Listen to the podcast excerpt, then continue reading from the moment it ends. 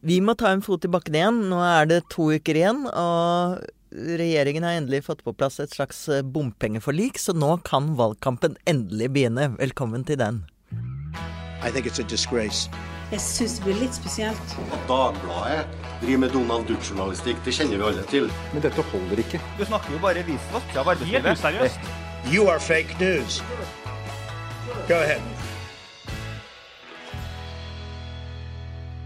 Jeg sitter her med eh, Geir Ramnefjell og er litt usikker.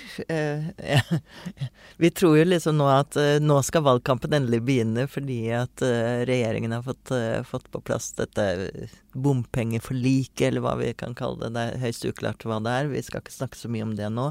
Men er det sånn at valgkampen begynner for fullt nå? Ja, definitivt. Nå er det jo altså to uker igjen til valget, og den bompengeløsningen i, i regjeringen burde jo ha vært på plass før, så man kunne kommet i gang med den lokale varianten av bompengediskusjonen. For er jo, det er jo den vi ser nå. Nå har det på en måte kommet nå har bompengediskusjonen kommet ned på lokalplan, og den trenger litt tid på, på å bli ferdig der også. Så man skal nok se at bompengediskusjonen kommer til å prege også den, den, den valgkampen som vi alle tror kommer til å handle om. Ja, for det var jo det fortvilete med at folk sto på stands rundt omkring og sa liksom Vi vet ikke hva vi skal svare når velgerne kommer og spørre. Og så har det selvfølgelig vært ganske mange frustrerte eh, politikere og frivillige rundt omkring i landet som, som eh, føler at eh, valgkampen deres har vært overskygget, og at det er andre saker som også er viktige. Eh, vi har sett at nå, nå er det ny oppmerksomhet om en annen som er en slags bompengevariant.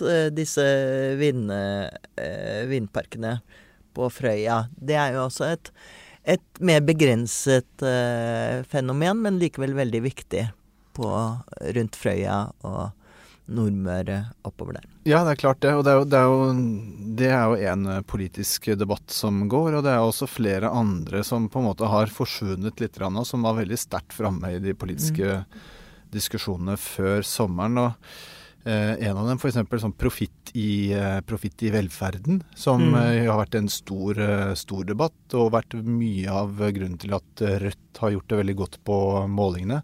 Det har man sett, det er liksom blitt liksom borte eh, siste par eh, månedene. Og da har man samtidig sett at Rødt har falt på, på, på målingene.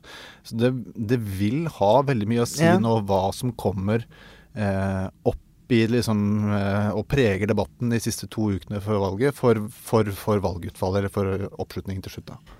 Men, men de store linjene er jo at dette har vært et protestvalg. Er det noe som eh, tyder på i målingen at uh, den protestbølgen Altså, eh, det er jo galt å si at det er protestvalg bare fordi at folk stemmer på mindre partier enn Ap og Høyre.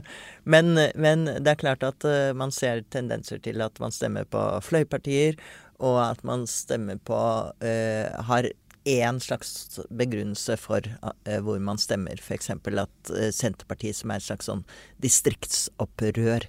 Har denne protestbølgen lagt seg noe? Ser det sånn ut i meningsmålingene? Nei, jeg kan ikke akkurat si det. Ehm, dette er jo eh, en sånn underliggende tendens. Du skrev veldig godt om det i avisa vår på, på lørdag, Marie, om at vi må jo venne oss til altså Protestvalg, det er jo det er jo det, det handler om valg. At folk skal si Ja. fra om hva de faktisk er opptatt av. Jeg, jeg mente faktisk, kom med den påstanden, at uh, et protestvalg var en selvmotsigelse, fordi alle valg er en slags protest. Ja, man skal på en måte være litt glad egentlig for, Det. uh, for det. da.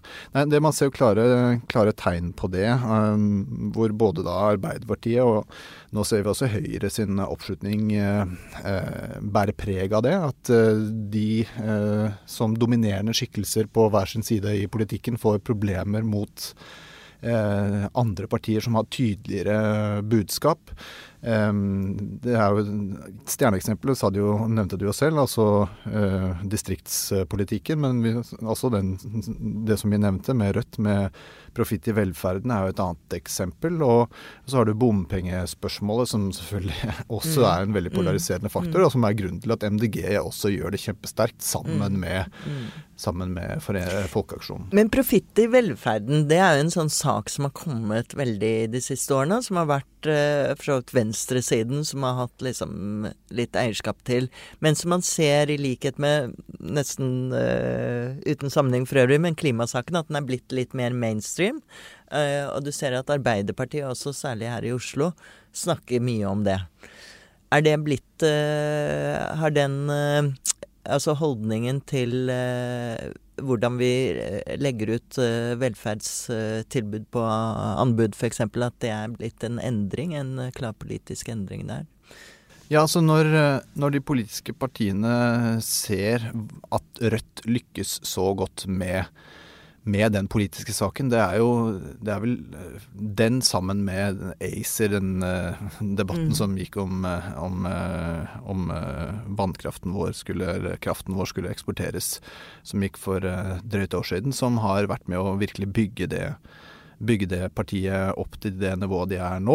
Og I dag så var Eller ja, i går, da, når dere hører på dette, lyttere, så var Bjørnar Moxnes i valgboden til Dagbladet og sa at han ble spurt om, eh, om, de skulle endre på det, og om de skulle gå i posisjon i Oslo.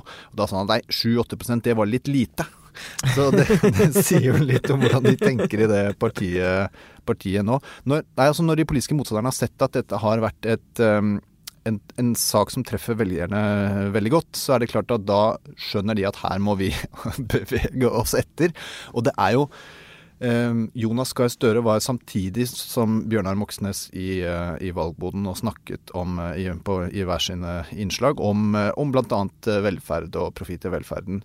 Og i sak så står de jo veldig nær hverandre. Altså de ehm, gjør, de gjør det egentlig overraskende nære, og det er vel et av de feltene man kan si at høyresiden har rett når de sier at Ap under Støre har gått til venstre. Ja, de har det. Men men, men, men, den forskjellen der, det er at eh, Rødt sier vi skal ha dem vekk. Og de vil på en måte forby det, mens, mens eh, Arbeiderpartiet sier at liksom, når vi etablerer nye, så skal vi Altså sånn, for de vil ha ja. Men de driver litt med en sånn rekommunalisering? Og... Ja, ja, ja, selvfølgelig. Ja. Det, det, er, de blitt presset til i, mm. presset til i Oslo. Men, men, det som da er interessant, er, og siden vi snakker om uh, om at eh, de store partiene på hver side av eh, den politiske fløyen har vanskelig for å, eh, for å markere seg eller for å bevare oppslutningen sin, så, så kan man jo si det at selv om, selv om Arbeiderpartiet og Rødt på sett og vis står ganske nære hverandre i en sak som dette her, så er det Rødt som klarer å være helt klart eh, tydeligst, som er eh, best på å kommunisere denne saken. Og det handler jo ikke bare om at den ene vil forby det, og den andre er litt mer sånn vi skal innføre gradvis, skal satse mer på.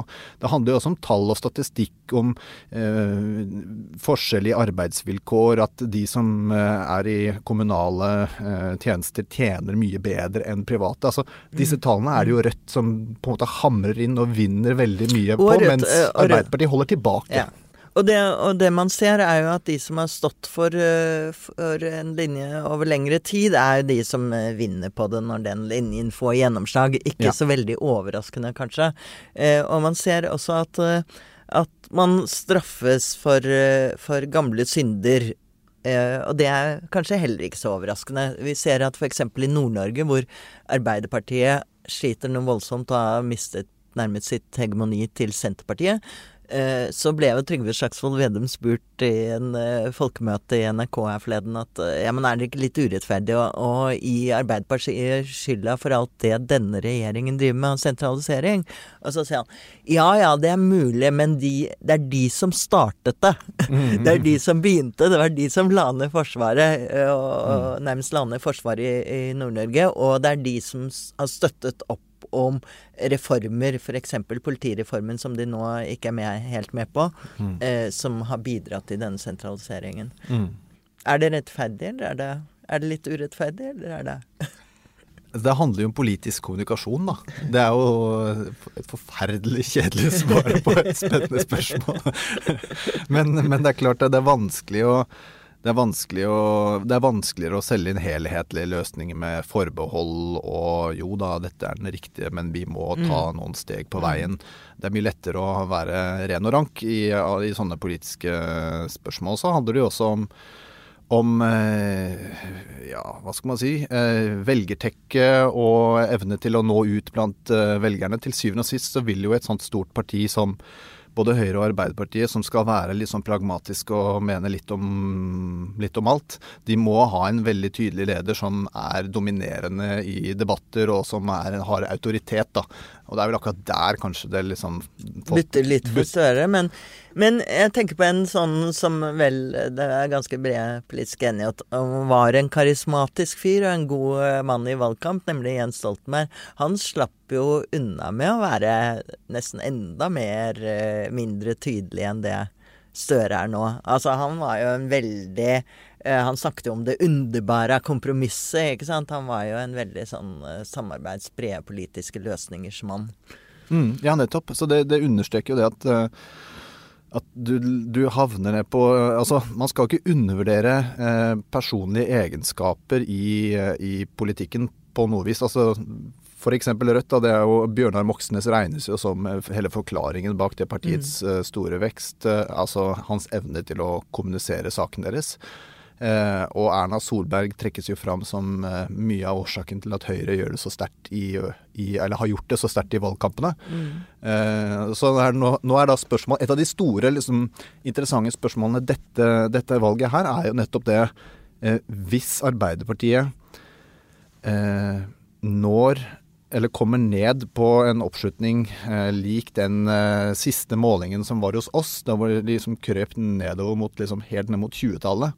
Spørsmålet er da kan Arbeiderpartiet fortsette å ha han som eh, statsministerkandidat fram mot, eh, fram mot 2021, eh, eller må de da virkelig eh, snu seg rundt? Så, så, Det tror jeg liksom er en av de hovedspørsmålene mm. som vi vil stille oss. det er jo også en avhengig av analysen av et slikt resultat. Er det nå et nytt normalitetsnivå for, eh, for Arbeiderpartiet. Det kan, jo, kan, man jo også tenke at de sosialdemokratiske partiene i Skandinavia har jo ligget veldig høyt uh, i forhold til resten av Europa. Så det kan jo hende at det er et mer normalt nivå. Men, uh, men noe av det jeg syns er veldig spennende med dette valget, er jo disse velgerbevegelsene som også er et slags frampek mot en ny politisk situasjon hvor du har ganske store Altså, Arbeiderpartiet har hatt noen støttehjul, hvis vi kan kalle det det, og nå er støttehjulene i ferd med å bli like stort som selve sykkelen, mm. hvis vi kan kalle det sånn. De er blitt mer som, Det er ikke støttehjul, de er mer som sånn, sånn, sånn hjulene på sånn olabil, som er blitt sånn veldig, veldig store. og da blir det jo litt mer utfordrende å, øh, å styre, selvfølgelig. Og her kan vi jo komme inn på Bergen, som er jo et uh, som, som, uh, Hvor bompengespørsmålet fortsatt rir byen som en mare og kommer til å kanskje avgjøre mye. Men det ligger fortsatt an til at en rød-grønn koalisjon overtar, og at Arbeiderpartiet blir sittende med makta.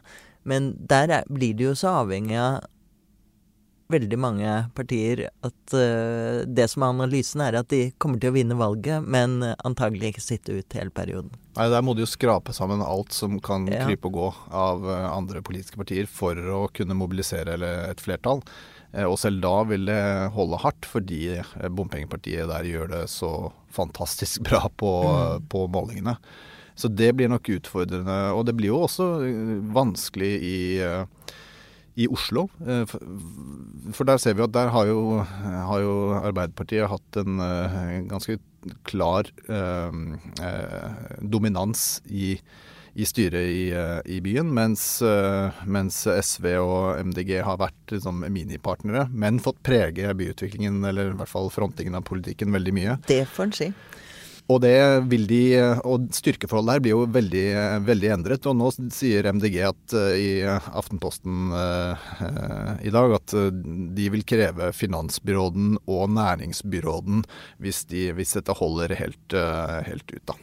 Det er det. Raymond, kan nok bli litt svett rundt omkring, og det gjør nok en del Arbeiderpartifolk som har vært vant til å vant til å sitte og være veldig storebror. Så det er en ny politisk landskap og en ny politisk virkelighet. Og eh, du har jo skrevet en kommentar om at valgkamp faktisk virker, men det spørs om det kommer til å skje noen nye jordskjelv på de neste to ukene. Det er kanskje litt kort tid igjen, Geir?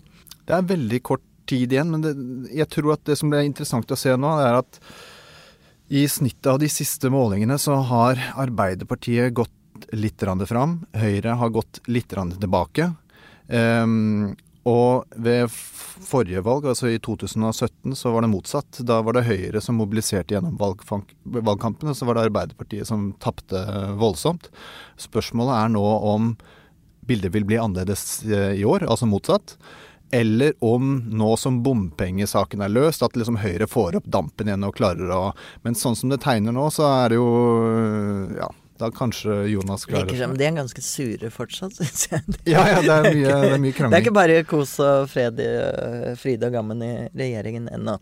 Eh, det var en eh, liten fot i bakken eh, midt i uken, og så kommer vi tilbake som vanlig på torsdag. Men først skal Ola Magnussen Rydje fyre seg skikkelig opp.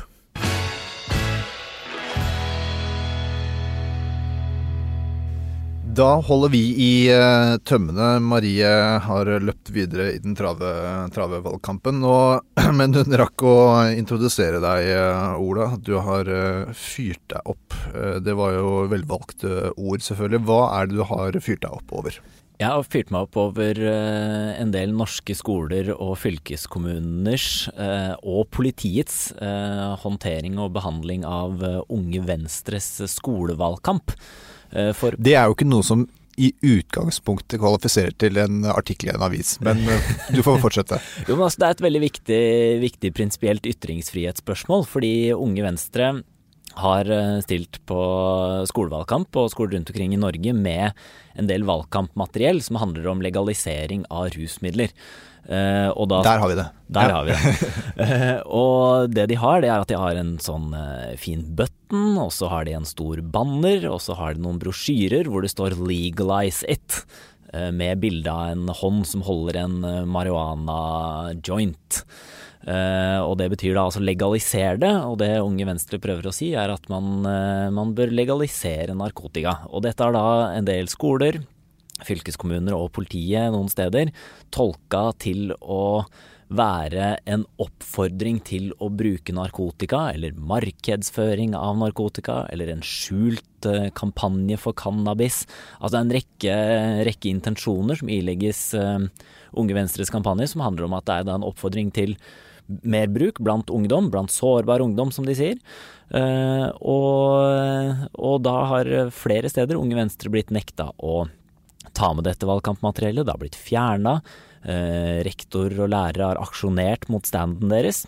Eh, og dette har da skjedd etter at eh, en del politifolk rundt omkring i Norge har da varsla fylkeskommunen og skolene om det her, da. Så det har rett og slett eh, grepet inn rent fysisk mot valgkampmateriellet til, eh, til Unge Venstre? Ja, enten fysisk ved at de har eh, tatt det, eller at de har fått en muntlig beskjed om at dette ikke er, er lov. Altså at det er forbudt å agitere for cannabis og narkotika for øvrig.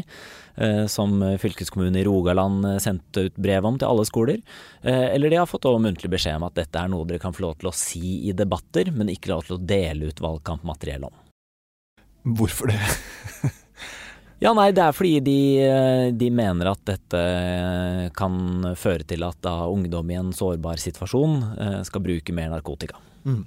Altså, man kan jo tenke seg at eller i hvert fall når man, når man, leser formuleringene til de som har grepet inn her, da, så kan man jo liksom tenke seg at, at de selv i hvert fall føler at de gjør dette i beste mening. Hva, hva, hva tenker du om det? Jo, nei, nei, det tror jeg er helt riktig. Altså, de, Intensjonen deres er i utgangspunktet god, å prøve å holde, holde ungdom unna, unna narkotika uh, og unna cannabis. Og det, der har de på en måte forskningen i ryggen. Det er veldig dumt uh, å være, være, ung og røyke for uh, hvis du vil utvikle hjernen din på en ordentlig måte. så det bør man virkelig ikke gjøre. Men, men det at de her stanser Unge Venstres forsøk Eh, på å kreve en annen ruspolitikk i Norge. Altså at man eh, skal ha et eh, regulert salg av cannabis på samme måte som man har vinmonopol. Det er noe helt annet enn det å si at ungdom skal røyke narkotika, og det at de går inn og sensurerer et politisk parti midt i en valgkamp og sier at dette får dere ikke lov til å mene, det er jo helt, helt uhørt. For det er mulig for skoler å si at vi vil ikke ha politisk aktivitet, og de kan få lov til å bestemme selv hvilke aktører de vil slippe inn, men de kan ikke plukke ut én ytring de ikke liker. Og si at akkurat denne er ikke ønskelig, men alt det andre er lov. Det de kunne sagt var at ingenting er ønskelig, fordi vi mener at politisk aktivitet generelt er så skadelig for skolemiljøet at det kan vi ikke ha. Mm. Og så er det jo også sånn at Eh, denne, dette valgkampmateriellet og denne debatten det kommer på en måte ikke ned fra månen. Det er ikke sånn eh, ja, nå er det på en måte mobilisering for hverandre skolevalg, så da vil vi snakke om eh, fri hasj, sånn som det alltid er noen som gjør i, i den type sammenhenger. Vi er i en annen liksom, politisk situasjon nå. Forklar litt om det, Ola. Ja, vi er midt oppe i en, i en rusreform som er jo satt i gang av den sittende regjeringa, hvor man går inn for å avkriminalisere bruk og besittelse av mindre mengder narkotika. Uh, og man prøver altså å få, få et hamskifte egentlig i, i, ruspolitikken generelt, eh, til å gå bort ifra straff, til å gå bort ifra en streng, streng håndheving. Uh, og det er heller ikke sånn at det er, um, det er veldig utrert å skulle mene at det er uh, greit å regulere narkotikasalg i Norge. Det mener flere venstretopper, det mener flere politikere fra flere partier, forskere og andre. Så det er, eh, det er på en måte, det er også konteksten er inni, da, og derfor virker også den reaksjonen fra politiet og skolene enda mer overdreven eh, ved at de faktisk går inn og knebler et politisk partis ytringsfrihet i en valgkamp for å nekte de å si det her. Ja, for det er vel sånn at de som, eh, som har aksjonert mot dette, sånn som f.eks. Norsk Narkotikapolitiforening, de har jo vært veldig aktive i denne debatten om, eh, om rusreformen. Så kan man på en måte oppleve eh, de reaksjonene mot, mot Unge Venstre nå som en slags som en slags sånn politisk motivert inngripen fra, fra, mot Unge Venstre? Ja, så Den eh, foreningen du snakker om er jo en ideell organisasjon med noen tusen politifolk eh, som jobber på fritida si for eh, at ungdom, eller altså mot narkotika og for at ungdom ikke skal bruke det. Eh, og det kan helt klart virke som at her at folk som til daglig da er eh, voldsmonopolet, eh, nå går inn og aksjonerer politisk mot, mot det politiske partiet. Mm. Men hva, hva, blir veien videre nå? Hva, hva bør skje etter dette? Ja, nei, Lederen i Unge Venstre, Sondre Hansmark, sier jo at de akter å fortsette å bruke valgkampmateriell, og det bør de absolutt gjøre. Eh, skolene bør, eh, bør, virkelig ikke sensurere de. Eh, dette bør gå helt på toppnivå i alle, alle, fylkeskommuner, som bør sende ut en klar beskjed om at dette selvfølgelig er i orden å, å dele ut og bruke. Og politiet bør også holde, holde fingra av fatet. og enda videre enn det, eh, så bør jo også det bli nå en debatt, mener jeg, da, om, om, eh, om hele, altså hele, debattkulturen som og eh, store deler av politiet deltar i, i rusreformen. Altså deres, deres rolle i utformingen av det, en mer human ruspolitikk. Mm. Så man kan si at nå står kampen egentlig om eh, debatten om ruspolitikken framover? Ja, altså aller først står den jo om, eh, om et politisk partis ytringsfrihet. Eh, mm. Men deretter eh, tror jeg du kan ha rett i det. Mm. Ok, tusen takk skal du ha, Ola. Alle mm, kan gå inn og lese Olas glimrende kommentarartikkel på, på, på dagbladet.no hvis de vil sette seg mer inn i nettet. Vi er tilbake igjen med siste med Marie, da også med Marie, om to dager igjen. Takk for at du hørte på.